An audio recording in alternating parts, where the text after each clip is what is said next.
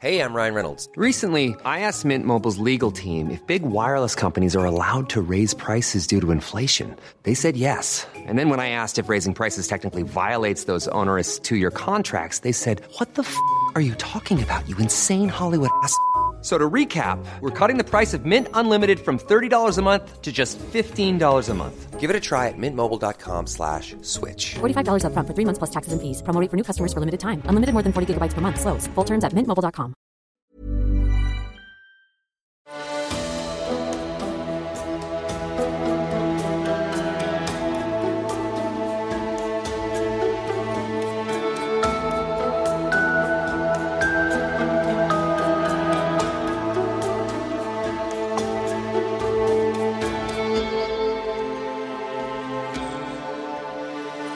Velkommen til Seriemorderpodden, podkasten dedikert til seriemordere. Hvem de var, hva de gjorde og hvordan. Jeg heter Thomas Rosseland Wiborg Tune. I kveld tar vi for oss det siste kapitlet i sagaen om The Yorkshire Ripper. Vi nærmer oss nå slutten på 1970-tallet, og sagaen dras mot slutten idet vi entrer året din ydmyke vert blir født, 1981. Men før revneren møtte sitt endelikt, hadde han mye å utrette. Så følg med på denne reisen til nattens ende.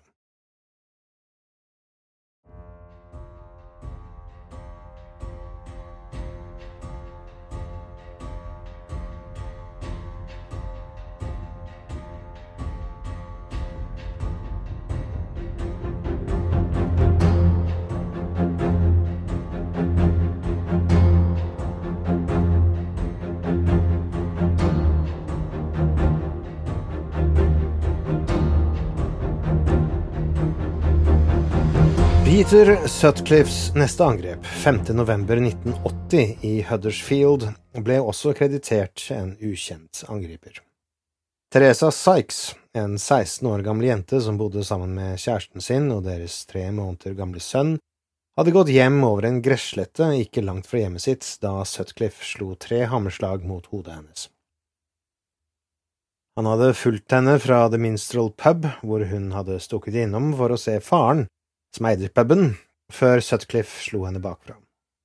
Et av slagene var så kraftige at det gikk gjennom hodeskallen hennes.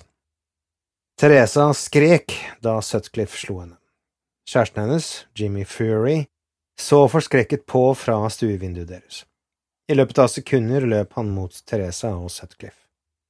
Da morderen så Jimmy, løp han tilbake inn i nattens mørke. Teresa overlevde mirakuløst det brutale angrepet, men hun ble aldri den samme igjen. Etter å ha tilbrakt flere uker på den nevrologiske enheten ved Pinderfields Hospital i Wakefield, vendte Teresa hjem. Tidlig i 1981 forlot hun Jimmy og kom tilbake for å bo hos foreldrene. Teresa var nå redd for menn, og til tross for planene deres om å gifte seg, var hun til og med redd for Jimmy. Faren hennes, som alltid trodde at Yorkshire Ripper hadde vært ansvarlig for datterens angrep, sa at siden angrepet hadde hele hennes personlighet endret seg. Der hun en gang var en glad jente, var hun nå rask til å blusse opp i sinne over den minste ting. Peter Sutcliffe hadde satt sitt preg på enda en familie. Natt til 17. november 1980 forberedte Sonja, kona til Peter Sutcliffe, seg for nok en natt alene mens hun så på TV. Mannen hadde ringt for å fortelle henne at han fortsatt var i Gloucester, og leverte og kom ikke hjem før sent. Det hun ikke ville finne ut før mye senere, var at mannen ikke jobbet i det hele tatt. Han hadde klokket av fra Clarks klokken 19.03 og satte kursen mot Headingley, hvor han hadde tilbrakt en annen kveld bare et par uker tidligere. Han spiste igjen på Kentucky Fried Chicken-restauranten. Mens han satt og så ut av vinduet klokken 21.23, steg Jacqueline Hill ut av buss nummer én ved holdeplassen rett utenfor Arndales kjøpesenter. Hun var på vei hjem etter å ha deltatt på et seminar om kriminalomsorgen i Cookridge Street, Leeds. Jacqueline var en student ved universitetet som hadde håpet å bli med i kriminalomsorgen da hun ble uteksaminert sommeren etter. Sutcliffe begynte å følge Jacqueline etter at hun passerte Kentucky Fried Chicken-sjappa. Han var bak henne da hun gikk inn på den svakt opplyste Alma Road mot Lupton Flats, hvor hun nylig hadde flyttet. Moren hennes hadde vært bekymret for at hun bodde alene i utkanten av byen på grunn av Yorkshire-ripper-angrepene, så Jacqueline hadde bestemt seg for å flytte til jenteleilighetene i Lupton Court. Disse var en del av et kompleks av universitetsboliger bak Arndale Shopping Center. Jacqueline var bare 100 meter fra hjemmet sitt da Peter Sutcliffe slo henne i bakhodet. Han dro den livløse kroppen til Jacqueline Hill 14 meter inn på en tom tomt rett bak Arndale-butikkens parkeringsplass. Beskyttet mot innsyn, takket være trær og busker, stakk Sutcliffe henne gjentatte ganger. Han stakk henne i øyet, som hadde stirret anklagende opp på ham mens han rev i klærne hennes og kuttet den nakne kroppen hennes. Da han var ferdig, forlot han henne og dro hjem. Han glemte at Jacquelines veske og briller fortsatt lå på fortauet i Alma Road, der hun hadde mistet dem. Bare kort tid etter angrepet fant Amir Hussain, en iransk student, posen da han var på vei hjem til Lupton Court. Han tok den med seg hjem og viste den til sine fem leilighetskamerater, hvorav den ene var en tidligere sjefsinspektør hos Hongkong-politiet, Tony Goston. Tony ble skremt da han så at ingenting var stjålet fra posen og la merke til friske blodflekker på utsiden av den.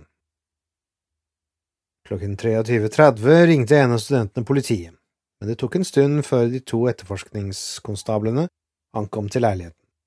Det var først etter insistering fra Mr. Hussain at politiet endelig gikk med på å søke i området der han hadde funnet posen. Det korte søket med lommelykt avdekket ikke Jacquelines kropp, og politiet dro. En arbeider ved Arndale-butikkene oppdaget Jacqueline neste morgen klokken 10.10. Hun lå mindre enn 30 meter fra der politiet hadde søkt natten før. Opprinnelig benektet politiet at Yorkshire Ripper hadde slått til igjen før professor David G. kunngjorde funnene sine. Revneren hadde slått til igjen for det politiet feilaktig trodde var første gang på 14 måneder. Angrepet fikk mye medieoppmerksomhet, med politiet som ba om hjelp fra alle som hadde vært i området den natten. De var spesielt interessert i å snakke med eieren av en mørk, firkantet bil som hadde blitt sett rygge raskt nedover enveiskjørte Alma Road. Sjåføren sto, forståelig nok, ikke frem. Med Jacquelines drap ble den virkelige trusselen fra Yorkshire Ripper endelig brakt hjem til Storbritannias middelklasse. Ikke lenger drepte han bare prostituerte i de skumle delene av byen. Såkalt uskyldige kvinner var nå svært klar over faren for seg selv, en fare som prostituerte hadde levd med i nesten fem år. 1970-tallet var glansdagene for det som i dag er kjent som andrebølgefeminisme. De var ofte tett knyttet til den radikale studentbevegelsen som hadde fortsatt siden slutten av 60-tallet. Nå som revneren angrep middelklassejenter, ikke bare fattige prostituerte, gikk feministaktivistene, som nesten utelukkende bestod av hvite middelklassejenter, ut i gatene i en sterk og høylytt protest mot deres tap av retten til å gå trygt i sine egne gater. Politiet ble oversvømmet med informasjon fra publikum.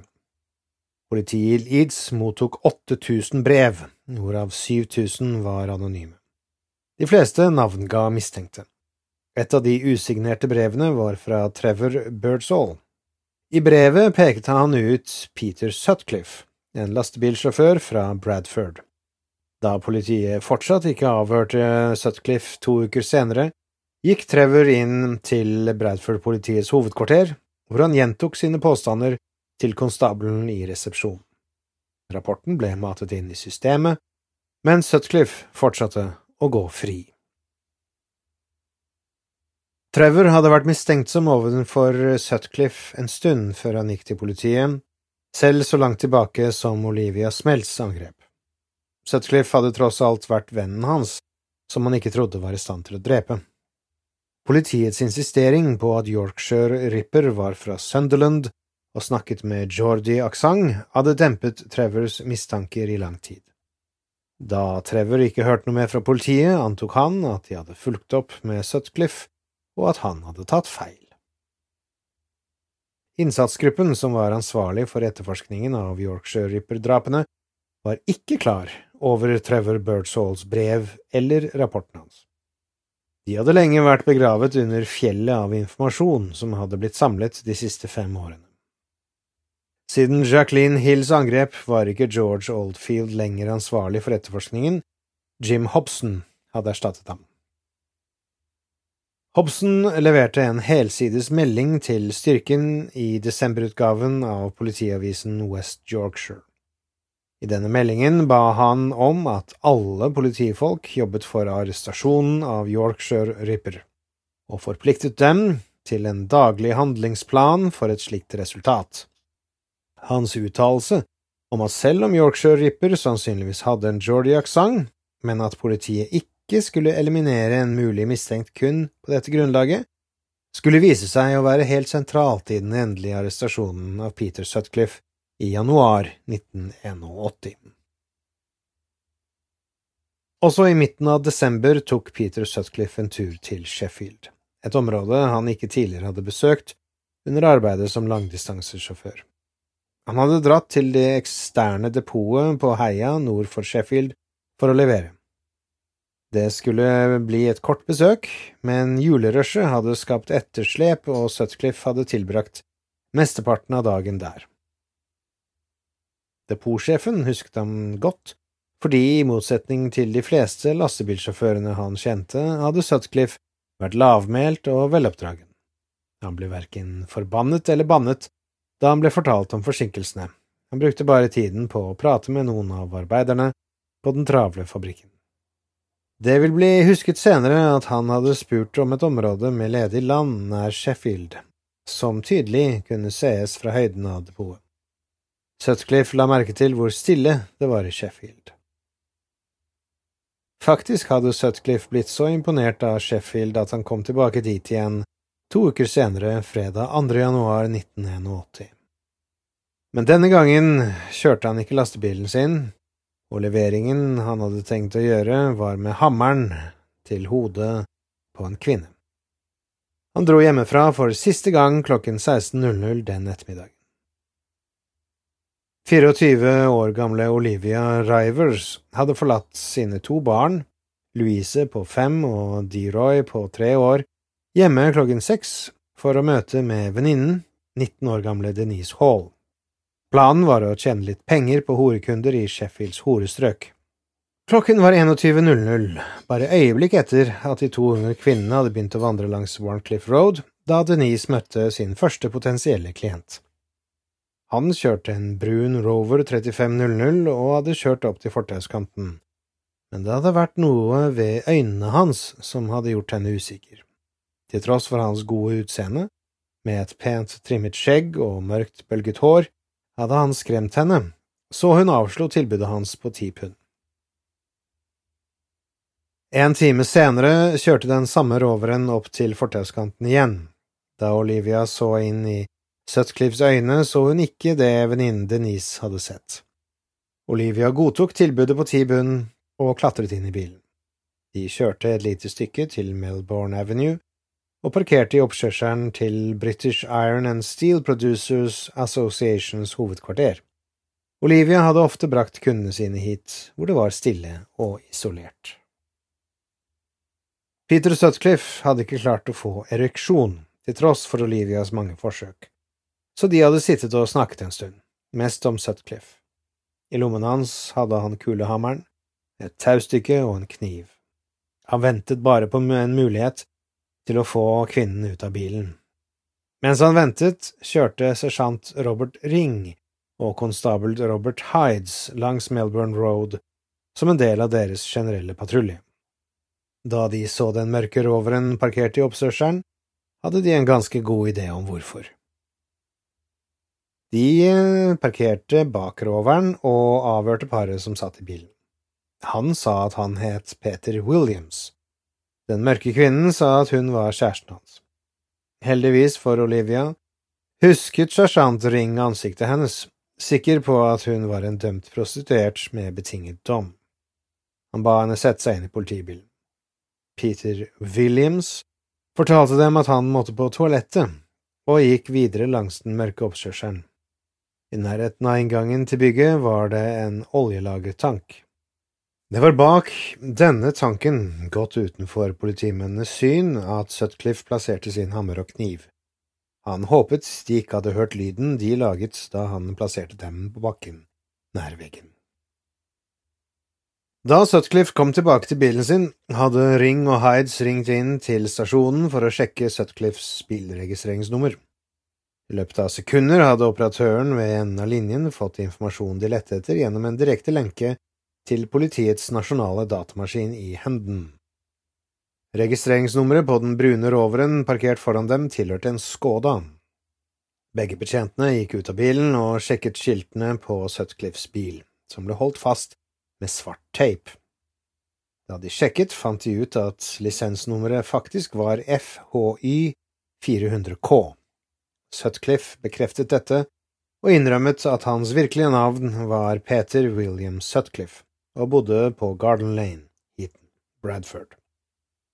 Han hadde løyet fordi han ikke ville at kona skulle finne ut at han hadde vært sammen med en prostituert. Tilbake på politistasjonen i Hamilton Road ble Olivia og Sutcliffe plassert i separate intervjurom. Sutcliffe fortalte dem at han hadde stjålet skiltene fra en bil på et skrotanlegg i Cooper Bridge, noe som betydde at han måtte overføres til en annen jurisdiksjon så snart politiet fant ut hvor Cooper Bridge var. Etter mange samtaler fant de ut at Cooper Bridge falt under jurisdiksjonen til Dewsbury politihovedkvarter. De ble fortalt at en konstabel ville være der om morgenen etter klokken 06.00 når Ring og Hyde avsluttet skiftet sitt. Sonja ble oppringt og fortalt at mannen hennes ikke ville være hjemme den kvelden, og Sutcliffe ble plassert i en celle for natten. Før han la seg, ba Sutcliffe om tillatelse til å gå på toalettet. Mens han var der, plasserte han en annen kniv han hadde gjemt på kroppen, i sisternen.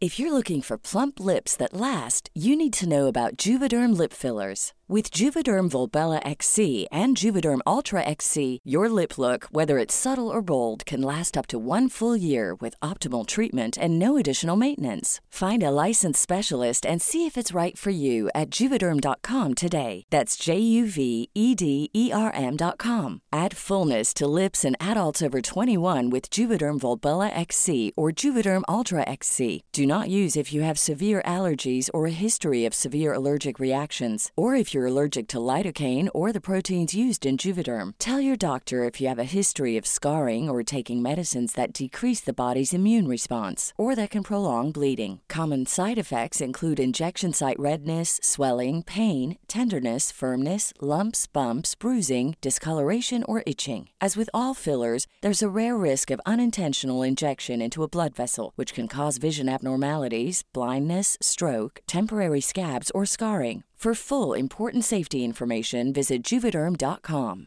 I'm Sandra, and I'm just the professional your small business was looking for. But you didn't hire me because you didn't use LinkedIn jobs. LinkedIn has professionals you can't find anywhere else, including those who aren't actively looking for a new job but might be open to the perfect role, like me. In a given month, over 70% of LinkedIn users don't visit other leading job sites. So if you're not looking on LinkedIn, you'll miss out on great candidates like Sandra. Start hiring professionals like a professional. Post your free job on linkedin.com/people slash people today. Da de tre konstablene fra West Yorkshire kjørte mot Sheffield, ringte en konstabel fra Dewsbury-stasjonen til Incident Room i Milgath, basen for Yorkshire Ripper-innsatsgruppen. Det var en rutinemessig oppringning på grunn av et nylig direktiv fra Hobson til hele West Yorkshire-politiet om at enhver mann som ble funnet sammen med prostituerte under mistenkelige omstendigheter, skulle rapporteres til innsatsstyrken. Klokken 08.55 ankom Peter Sutcliffe til Dewsbury politistasjon med West Yorkshire-politiet, hvor han ble overført til stasjonens intervjurom. Like etter klokken 09.00 ringte Sonja og ble fortalt at mannen hennes ble intervjuet i forbindelse med tyveri av bilnummerskilt. I intervjurommet pratet Peter Sutcliffe med konstabler om arbeidet sitt som lastebilsjåfør og sin kjærlighet til biler. De bemerket at han hadde mørkt, krusete hår, skjegg og et gap mellom tennene. Offiserene var kjent med de fem referansepunktene for eliminering av mistenkte i Yorkshire Ripper-saken, men ble ikke blendet av mangelen på Geordie-aksent. Peter Sutcliffe bodde i Bradford, i hjertet av Ripper-landet, og hadde fortalt dem at han hadde kjørt til Sunderland mange ganger i arbeidet som lastebilsjåfør. Listen over mulige biler inkluderte ikke den brune roveren som Peter Sutcliffe kjørte da han ble arrestert, men Sutcliffe hadde fortalt dem om sin hvite Corsair med det svarte taket. Mens han ble avhørt av en etterforsker, ble det kjent at politiet hadde avhørt Sutcliffe ved en rekke andre anledninger i forbindelse med Yorkshire Ripper-saken. Han hadde på seg sko i størrelse åtte, kanskje til og med en syv. Etterforsker Des O'Boyle, en offiser i innsatsstyrken godt kjent med Yorkshire Ripper-saken, hadde reist til Dewsbury ved lunsjtids lørdag 6. november for å avhøre Sutcliffe selv. I løpet av ettermiddagen viste en blodprøve at Peter Sutcliffe var av den sjeldne B-gruppen. Klokken 18.00 den kvelden, mens han fortsatt ikke var helt overbevist om at Peter Sutcliffe var Yorkshire-revneren, ringte O'Boyle inn til Milgarth hendelsesrom og fortalte sin senioroffiser, sjefsetterforsker John Boyle, at han ikke ville stemple ut, men ville jobbe videre med saken. Klokken 22.00 ble Sutcliffe låst inne på cellen sin og hadde lagt seg.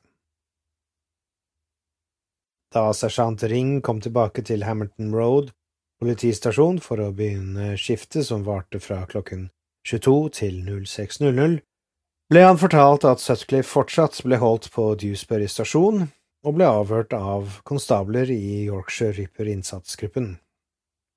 Ring ville da ta en avgjørelse som ville ha en betydningsfull innvirkning på Yorkshire Ripper-undersøkelsen. Sutcliffe hadde forlatt bilen sin for å gå på toalettet, egentlig for å gå og pisse. Kanskje han hadde lagt igjen noe på stedet. Ring husket at han hadde hørt en klirrende lyd. Ring kom tilbake til oppkjørselen på Melbourne Avenue for å se seg rundt. Da han lyste lommelykten sin på bakken ved veggen bak oljelagertanken, fant Ring kulehammeren og kniven som Sutcliffe forsiktig hadde lagt igjen der kvelden før. Etterforsker Dick Holland ble ringt opp hjemme i Elland, nær Huddersfield. Holland undertrykte så godt han kunne den innledende spenningen han hadde følt da han ble fortalt at det så ut som de endelig kunne ha tatt den beryktede revneren. Hvis det var deres mann, ville han være sikker på at de gjorde alt riktig. Holland gav John Boyle en rekke instruksjoner om hvordan han skulle gå videre med etterforskningen, og ba om at han ble orientert klokken 09.00 morgenen etter ved Bradford politihovedkvarter. Klokken 09.30 søndag 4. januar ankom Dick Holland, sersjant O'Boyle, sjefinspektør George Smith og konstabel Jenny Crawford Brown til nummer seks Garden Lane, hvor Sonja Sutcliffe fortalte dem at de kunne gjennomsøke huset. Klokken ti dro de og tok med seg en rekke verktøy som inkluderte kulehammere, og Sonja Sutcliffe, og returnerte til Bradford politihovedkvarter, hvor politiet avhørte Sonja omfattende i 13 timer. Dick Holland hadde sendt etterforsker Peter Smith fra Regional Crime Squad som hadde vært involvert i Ripper-saken lenger enn nesten noen andre, for å avhøre Sutcliffe i Dewsbury. Utover formiddagen fanget etterforskningskonstablene, uten å nevne Ripper-angrepene åpenlyst, så mange detaljer om Sutcliffes bevegelser på tidspunktene for angrepene som mulig. Samtidig jobbet konstabler bak kulissene for å få så mye informasjon om Peter Sutcliffes bevegelser de siste fem årene som de kunne inkludert besøk hos tidligere arbeidsgivere og andre henvendelser i Bradford-området. Tidlig søndag ettermiddag begynte Sutcliffe å miste den utrolige roen han hadde vist de siste 48 timene. Politiet var nå sikre på at de hadde rett mann. Da han ble spurt om bevegelsene sine natten til Teresa Sykes angrep 5. november 1980, fortalte Sutcliffe dem at han var sikker på at han hadde kommet hjem klokken 20.00. Sonjas erindring var annerledes. Hun husket tydelig at Sutcliffe kom hjem klokken 22.00. Selv om han ikke lenger var offisielt ansvarlig for etterforskningen, ble George Oldfield oppringt og fortalt om nyhetene. Han tok seg raskt til Dewsbury, hvor han kort etter fikk selskap av andre senioroffiserer fra innsatsstyrken. Klokken 14.40 ble Peter Sutcliffe fortalt om oppdagelsen av hammeren og kniven, mens de fortsatte å avhøre ham om angrepet på Teresa Sykes. Det var da Peter Sutcliffe satte seg tilbake i stolen og innrømmet rolig at han var Yorkshire Ripper. Drapsmannens maske var endelig fjernet, og den mest kjente ukjente mannen ble avslørt. I løpet av de neste 26 timene fortalte Peter Sutcliffe, rolig og følelsesløst, etterforskerne de grufulle detaljene om de siste fem årene med død og lemlestelse. Den eneste følelsen han viste, var da han diskuterte drapet på 16 år gamle Jane MacDonald, og da politiet avhørte ham angående drapet på Joan Harrison, noe han benektet på det sterkeste. Etter sin tilståelse hadde Peter Sutcliffe en forespørsel til George Oldfield. Han ønsket å være den som fortalte kona Sonja. Hun ble umiddelbart kjørt fra Bradford politihovedkvarter til Dewsbury-stasjonen, hvor George Oldfield møtte henne før hun ble ført til intervjurommet for å se mannen sin. Sutcliffe satt ved et lite bord overfor Sonja mens han rolig fortalte henne den sjokkerende historien. Da Sonja kom ut av intervjurommet, så hun ut til å være rolig og avslørte ikke hvilke følelser hun kunne ha gjemt under overflaten. Politiet ville fortsette å avhøre henne om ektemannens bevegelse de siste fem årene, siden angrepet på Anna Rogulski i 1975. Etter at Sutcliffes offisielle uttalelse var spilt inn, ble det innkalt til en pressekonferanse. 80 journalister pakket det lille rommet der Ronald Gregory, George Oldfield og Jim Hobson satt og smilte til kameraene mens de kunngjorde at de trodde de endelig hadde fanget Yorkshire Ripper. Den begeistringen politiet følte, ble reflektert av at etablerte prosedyrer for å håndtere pressen i en slik situasjon ble forlatt. Selv om Sutcliffes navn ikke ble oppgitt, ble mange detaljer som normalt ikke ville blitt avslørt, vanligvis utelatt for å beskytte en mistenktes forsvar, avslørt for offentligheten. Mandag 5. januar da Peter Sutcliffe møtte i tingretten i Dewsbury, ble spørsmålet som hadde plaget den britiske offentligheten de siste fem årene, besvart. Alle visste nå identiteten til Yorkshire Ripper. Spørsmålet om hvorfor han hadde drept 13 kvinner og etterlatt syv til så brutaliserte at de skulle ønske de også hadde dødd, ble besvart tirsdag 6. januar. Peter Sutcliffe fortalte politiet at han i 1967, i en alder av 20, hadde hørt Guds stemme snakke til ham mens han jobbet på Bingley kirkegård. Han påsto at han først hadde hørt den stemmen mens han gravde en grav. Han uttalte at stemmen hadde ført ham til en korsformet gravstein, hvorpå det var skrevet ordene Jego, Veby og Ekko. Disse ordene er i kilder oppgitt som polske, men jeg har ikke funnet en oversettelse som stemmer med dette. Jego betyr riktignok hans, men ekko og Veby har jeg ikke funnet adekvat oversettelse på. Det var denne samme stemmen som hadde beordret ham til å drepe prostituerte. Aktoratet anerkjente at Peter Sutcliffe var psykisk syk, led av paranoid schizofreni og burde fengsles på en institusjon for sinnssyke. Dommer Borham var ikke like sikker som politiet, psykiaterne, påtalemyndigheten og Sutcliffes forsvarere. De hadde gjort sine konklusjoner utelukkende på grunnlag av det Sutcliffe hadde fortalt dem. Det virket svært sannsynlig at Sutcliffe kunne lyve. Sutcliffe hadde også blitt overhørt fortelle sin kone at han kanskje kunne redusere straffen til så lite som ti år hvis han kunne overbevise alle om at han var gal. Boreham informerte riksadvokaten sir Michael Havers om sin avgjørelse om at Peter Sutcliffe skulle gå til rettssak foran en jury på tolv medlemmer av offentligheten. De ville avgjøre om Peter Sutcliffe var gal eller skyldig i overlagt drap. Rettssaken varte i 14 dager, og det skulle ta de seks mennene og seks kvinnene i juryen seks timer å fatte sin avgjørelse. I likhet med vurderingene til enhver jury i en drapssak var det mye diskusjon, men i motsetning til i andre saker diskuterte ikke denne juryen hvorvidt Peter William Sutcliffe hadde begått drapsforbrytelsen eller ikke. Det var denne juryens ansvar å fastslå den sanne mentale tilstanden til Peter Sutcliffe.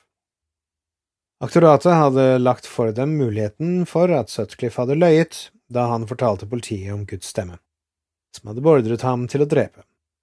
Forsvaret hadde med hjelp fra mange psykiatere forsøkt å bevise at historien var sann.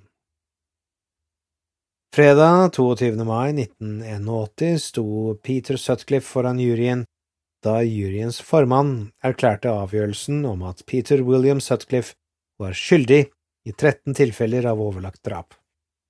Ti av disse tolv mennene og kvinnene mente at Peter William Sutcliffe ikke var sinnssyk, men faktisk var en ond og sadistisk morder. Fem år med terror og smerte for så mange kvinner, deres foreldre, slektninger, venner og deres 36 barn tok slutt da Peter William Sutcliffe, den beryktede Yorkshire Ripper, ble ført bort fra retten uten å vise følelser for å begynne sin dom på livsvarig fengsel. Rettferdigheten så til å bli servert, men arrene ville aldri gro for de som overlevde blodbadet utført av en manns hånd. I 1984, tre år etter domsavsigelsen, ble Sutcliffe overført til Broadmoor, etter å ha blitt diagnostisert som en paranoid schizofren. I begynnelsen ble Sutcliffe oppsøkt av kvinner som hadde latt seg sjarmere av den ultimate badboyen, hvis ansikt var å se i alle landets aviser og TV-program. I senere år ble Sutcliffes besøk færre, og han ble gjenstand for to alvorlige angrep fra andre innsatte. Et av dem resulterte i at han ble blind på venstre øye. Innelåst levde Sutcliffe et svært sedentært liv som for det meste bestod i å ligge på sengen og lese eller se TV. Han la kraftig på seg og fikk flere alvorlige sykdommer og hjertesvikt som følge av ekstrem fedme. I 2009 ble det rapportert at Sutcliffe var egnet til å forlate Broadmoor. Høyesterett avviste en anke fra Sutcliffe i 2010 og bekreftet at han skulle sone livet ut og aldri kom til å bli løslatt fra fengsel. I august 2016 avgjorde en medisinsk domstol at han ikke lenger trengte klinisk behandling for sin mentale tilstand og kunne returneres til fengsel. Han ble overført fra Broadmoor til Frankland fengsel i Durham 24. august samme år. Sutcliffe døde ved universitetssykehuset i North Durham, 74 år gammel, 13. november 2020 etter å ha returnert til HMP Frankland, tidligere etter behandling for et mistenkt hjerteinfarkt på samme sykehus to uker tidligere. Han hadde en rekke underliggende helseproblemer, inkludert morbid fedme og diabetes. Han skal ha nektet ytterligere medisinsk behandling.